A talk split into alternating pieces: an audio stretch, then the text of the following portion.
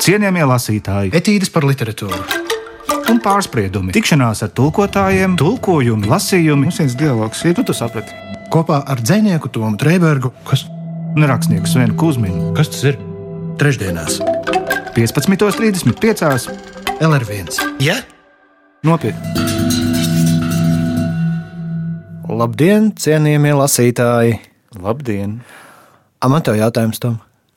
Tev tādi ir daudz un vienmēr, bet tik un tā es tos pieņemu, pieņemu un uzklausu. Un jo vairāk tu atbildi, jo vairāk es jautāju. Šodien es tev jautāšu tādu lietu, saki, lūdzu, vai tev kādreiz ir gadījies tik tālu aizplūst iztēles plašumos, ka tu pēkšņi vairs nevari atšķirt, kur sākās iztēle un kur beidzās? Realitāte? Jā, pelēkā ikdiena. Man liekas, ka nē. nē. Nē, jā, bet es nojaušu tavu jautājumu segumu, Jā, jā. kā jau arī citreiz esmu tos nojautis. Un Es jau tā baigi neslēpju arī. šodien mūsu raidījuma tronī sēdēs dzēja, un no manas skatu punkta par to, kur beidzas ikdienība un sākas pārpasaulība, un kur tā robeža izplēna. Es nevaru ru- runāt par tādu brīdi, kurā tas sajaucas kopā, tāpēc, ka man liekas, tas brīdis, kad dzēja top, kad šie vārdi rindojas viens pēc otra, tā ir ļoti liela atbildība. Tāpēc, ka nu, es to redzu kā tādu bezmaz tādu sapieru darbu, kurš nedrīkst pārkniept to vadiņu, nu, kur, kur nevajadzētu pārkniept. Kas notiek tad, ja pārkniep nepareizo vadiņu? Nē, viņu jau nekad nepārkniepj. Tāpēc, Bet ka- kur tad risks? Nu, risks ir uh, ide. Nu, jā, tu pareizi pajautāji, bet, bet risks pastāv tik un tā, tāpēc ka tava atbildība ir tikai un vienīgi pret tevi pašu, un vienlaikus tu saproti, ka tava izvēle, tavā vēstījumā būs līdzdalīgi arī citi. Un tāpēc nu, ir tāda sajūta, nedz pievilkt, nedz apmulsināt lasītāju potenciālo.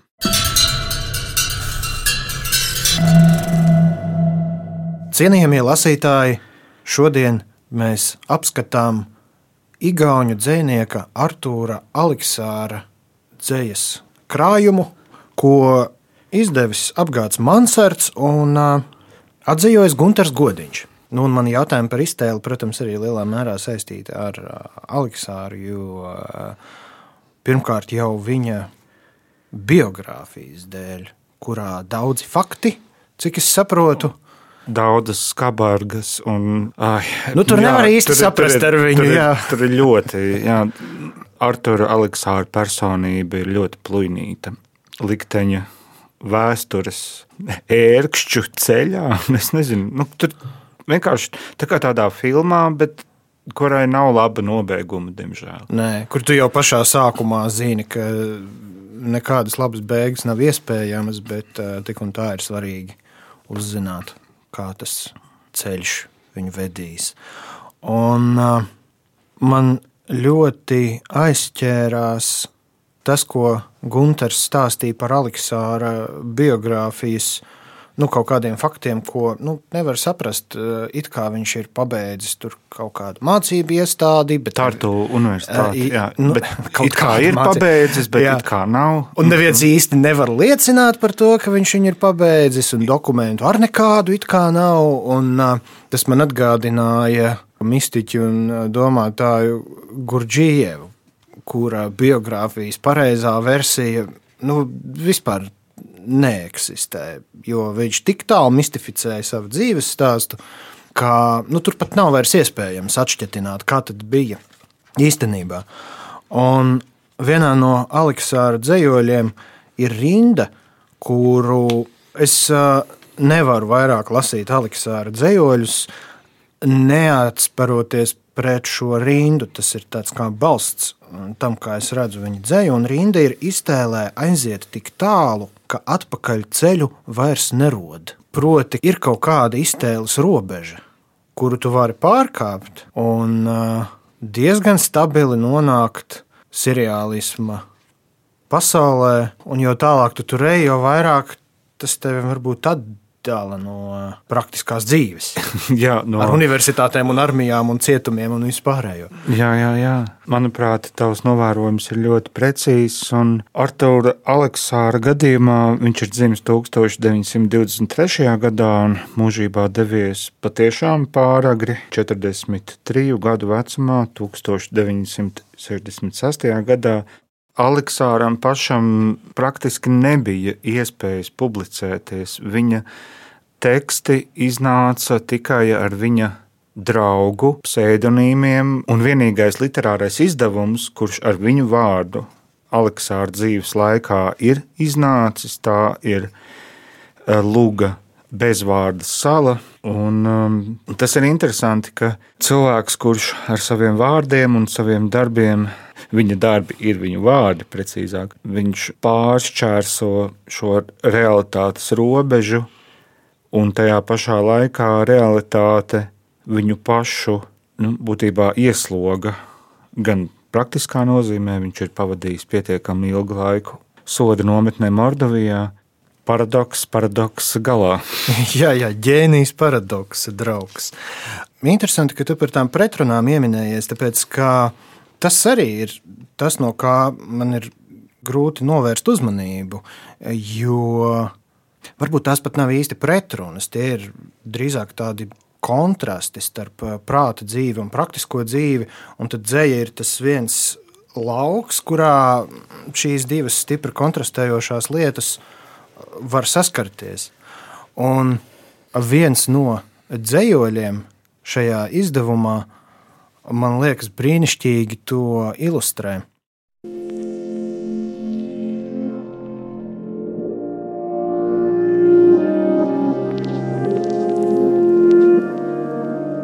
Esmu neizmērojami liels mežs.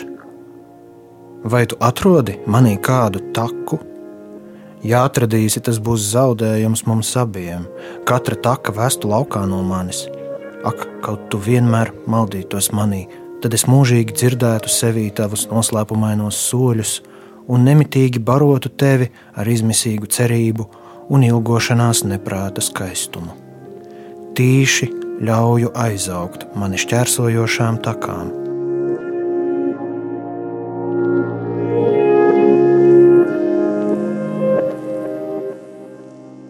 Ja mēs paturpinām šo ideju par pretrunu un vispār dualitātes valdījumu mūsu ikdienas gaitās. Es arī nolasīšu pavisam īsu, bet, manuprāt, definējošu dzējoli, kurš pastāsta par to, ka ne tikai poētika ir rats dārgums, mūsu pieredzē, bet jebkurš teksts, jebkurš vārds, kurš pārkāpj mūsu lūpu slieksni, mēs jau faktiski varam jau sākt dragāt cienījumiem lasītāji. Dzēja tiešraidē. Apmēram, jā, dzējas slabs. Jā, jā, nu, nu dzēj... lūpu slieksni, tu šķērso, kas tad notiek? Nu, tad, tad notiek tas, ka etnomuzikoloģi un dziedātāji Zana Šmita ļoti labi pateica, par to, ko nozīmē dziedāt. Piemēram, viņa teica, ka cilvēks ir atbildīgs par katru brīdi, kurā viņš atver muti vaļā. Un tas teksts man gadu gaitā vienkārši seko līdzi.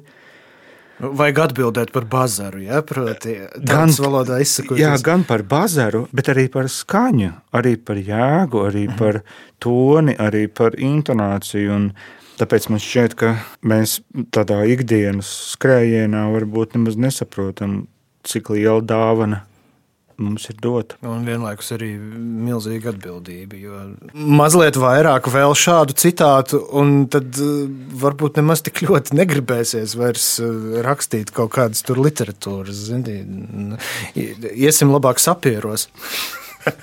Tas tā vieglāk. Jā, un sarakstīties ar LOL.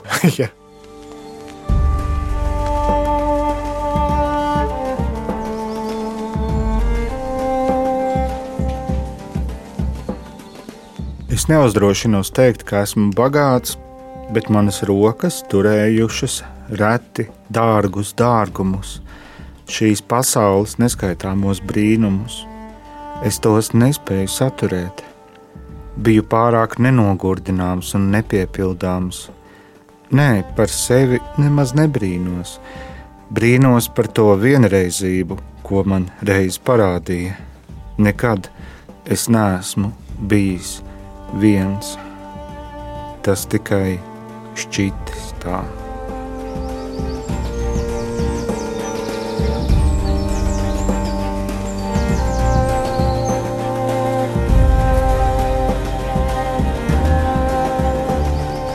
Cienījamie lasītāji, šodien mēs aplūkojam Arthura Aleksāra dzīslu izlasi, kuru atzījis Gunārs Godiņš. Un es tev vien gribēju pajautāt, atcaucoties nedaudz uz mūsu iepriekšējo raidījumu par Ādamu Zagajevski. Uh -huh.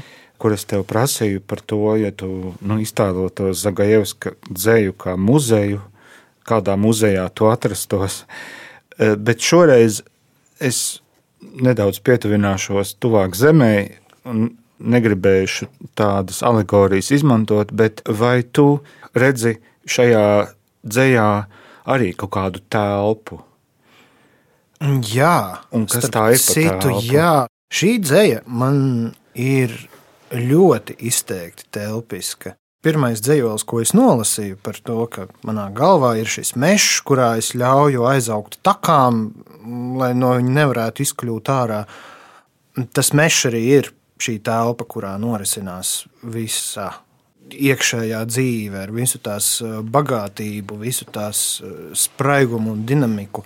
Nu, pirmkārt, vispār seriālistiem ir noslēdz darboties ar to iekšējo telpu Nu, protams, negribas izmantot pārāk daudz īsmu, tur ir seriālisti, ne seriālisti, kāda starpība.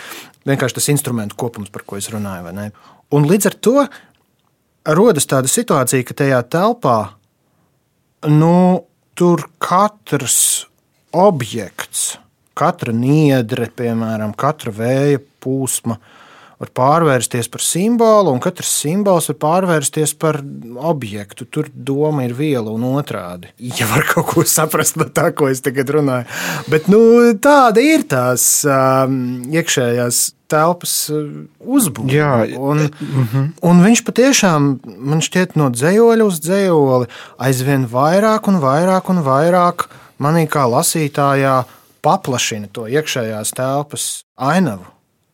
Varbūt tur viņš arī šķērso to iztēles robežu, aiz kuras atgriezties parastajā sapieru pasaulē, nav vairs tik vienkārši.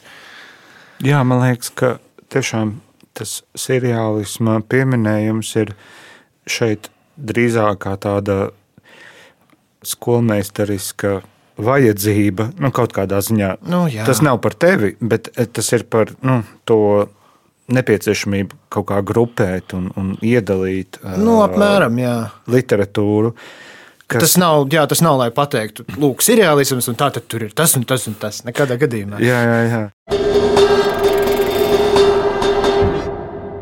Šeit tā literatūras pārsteidzošā ekspansija Arthūra Aleksāra gadījumā, nu, piemēram, tur ir ļoti jauka epizode, kā viņš sēdēja Tartu kafejnīcā Werner un ar mazu zīmuļu galiņu rakstīja veselām lapām dzējoļus, un pie tam ļoti skaidrā un salasāmā rokrakstā, kas ir diezgan laba piebilde. Jo, Jā, jo dzēnieku skribelējumi mēdz būt kā ar vārnas kāju pierakstīt un tam līdzīgi. Un šo viņa lielo radošuma ūdenskritumu, varbūt tā to var nosaukt, protams, varēja realizēt tikai politisko ieslodzīto un politiski apsūdzēto padomju Savienības pilsoņu rehabilitācija. Un, nu jā, atgriežoties pēc sev piespriestā soda mēra, Aleksāra rakstīšanas plūdi tiešām bija faktiski neapstādināmi. Tam stāstam ir arī būtiska piebilde, ka vienā brīdī viņš varēja pārstāt rakstīt, piecelties un pilnīgā ekspromptā sākt savus dzējoļus deklamēt. Un, uh, tur bija, laikam, ja nemaldos, uh, arī grāmatā aprakstīts stāstīns par vienu kundzīti, kur tā paklausījās. Nu, Fui, kas tas ir? Aizgājusi prom. Uh, Nē, man liekas, ka tu domāju stāstu par to kundzīti, kur teica, ka Hļebņikovs ir atdzimis. À, tur bija arī tāds, jā, jā, jā. tas bija cits. À, ne, tas bija, jā. Tā kundzīte bija Aleksandra Bloka paziņa, kura noklausījusies Aleksāra deklamācijas paziņoja, Bože, moj, Hļebņikov vaskries! Un, nu, viņā ir tā Hļebņikovam raksturīgā muzikalitāte, tas klajais apziņas lauks, kurš ar kaut ko piepildās. Nu tad, uh, lai skan dzēja. Lai skan dzēja.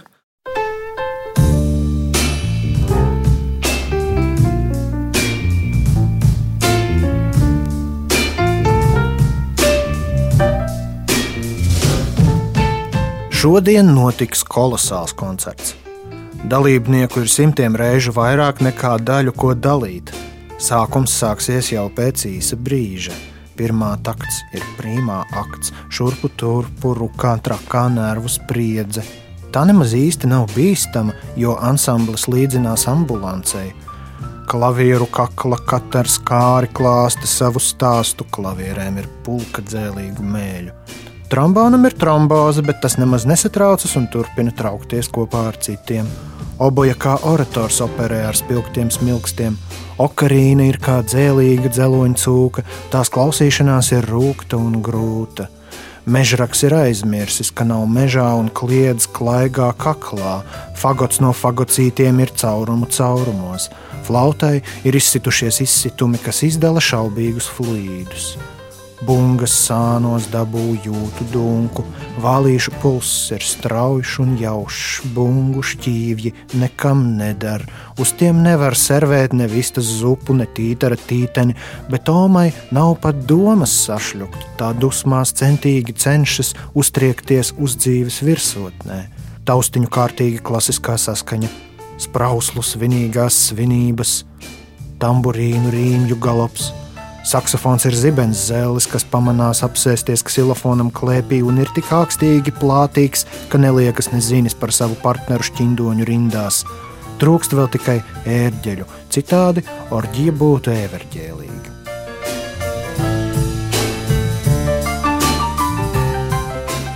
Vakars uzplaukst kā liels zieds. Tam no kausiņa līst smaržu jūra, kāpēc asinis ir tik sanošas un skanošas. Es nespēju tavu dvēseli līdz galam atrisināt mana pieticīgā un pievilcīgā visu mīļā. Mūsu matos vēl ir dienas brāzmu, skarbais šarms, bet tavu dišciltīgo roku vēlīgās veltes iet zudībā zem lietus gāzēm. Kāpēc tu pēkšņi nolieci galvu zem dīvaino bādu vēdām? Un meklēju atbalstu pie skurbajiem stumbriem. Kokiem ir savas raizes, tie nesaprot tavas domas, tie neielaužas tavās jūtās. Koki ir cita pasaule.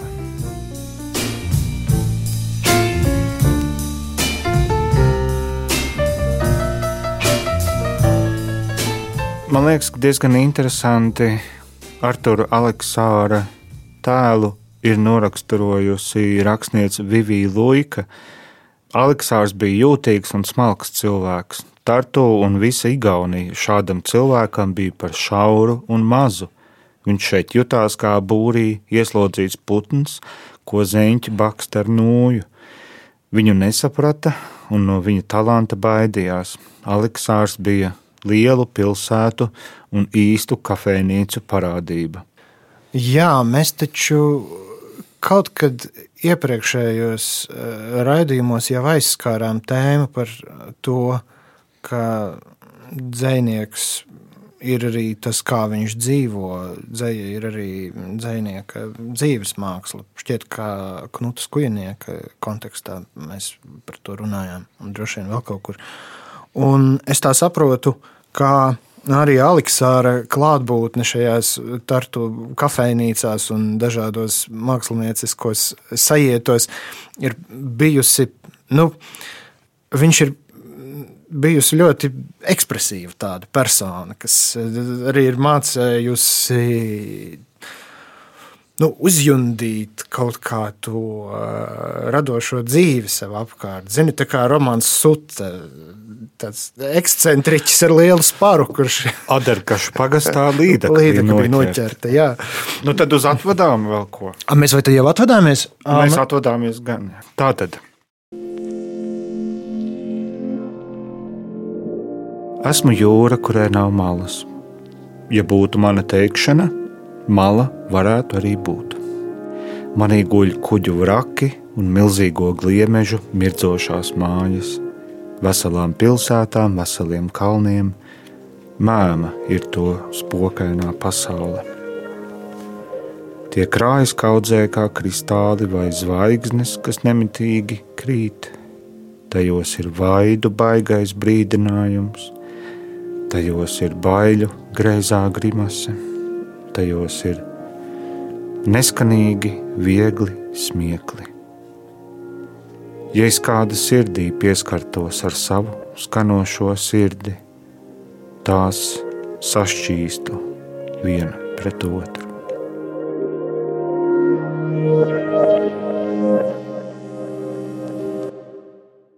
Gribu nolasīt arī vienu Aleksāra vēstuli, ko viņš ir rakstījis 54. gadā no Mordovijas nometnes, kur viņš vēl tolaik atradās ieslodzījumā.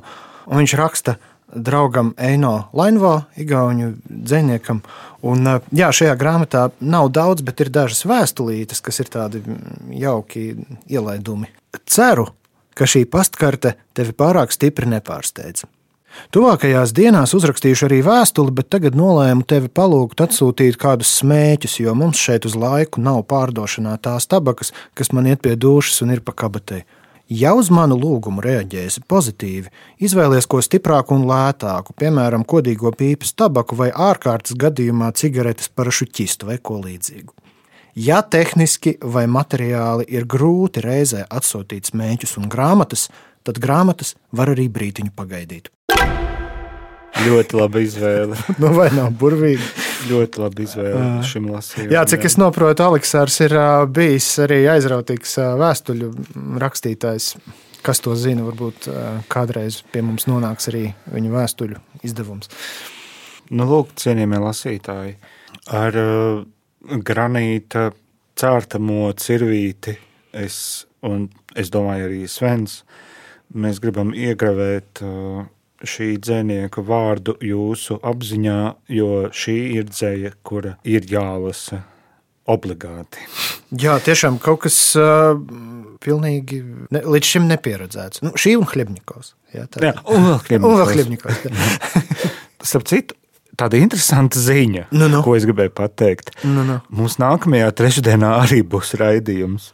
Īstenībā, jā, man jā, bija tāds aizdoms. 15.35. LR1. Jā, jā, jā. Uh -huh. Un tur mēs atkal stāstīsim par, bet jau par kaut kādu citu grāmatu, jo par šo mēs jau izstāstījām. Jā, un tad, tajā citā Jā. grāmatā tur, Tur būs citi teksti. Ui, jā. pilnīgi atšķirīgi. un, un tas pat būs latviešu autors. Jā, Jā, jo un šis bija galvenais. Cienījamie lasītāji, jūs pierakstījāt visu to, ko mēs tagad teicām. Es domāju, ka cienījamie lasītāji būtu šeit studijā, viņi mūs uzšaut pa pakausi. Cienījamie lasītāji, esiet iecietīgi un jauku jums atlikušo dienu. Visu labu! Atā! Cienījamie lasītāji, Etīdes par literatūru. un pārspriedumi, tikšanās ar tulkotājiem, tulkojumi, lasījumi. Mums viens dialogs ir. Nu, tu saprati, Kopā ar dzinieku Tomu Trēbergu. Kas, un rakstnieku Svenu Kusminu. kas tas ir? Trešdienās, 15.35. LR1. Ja? Nopietni!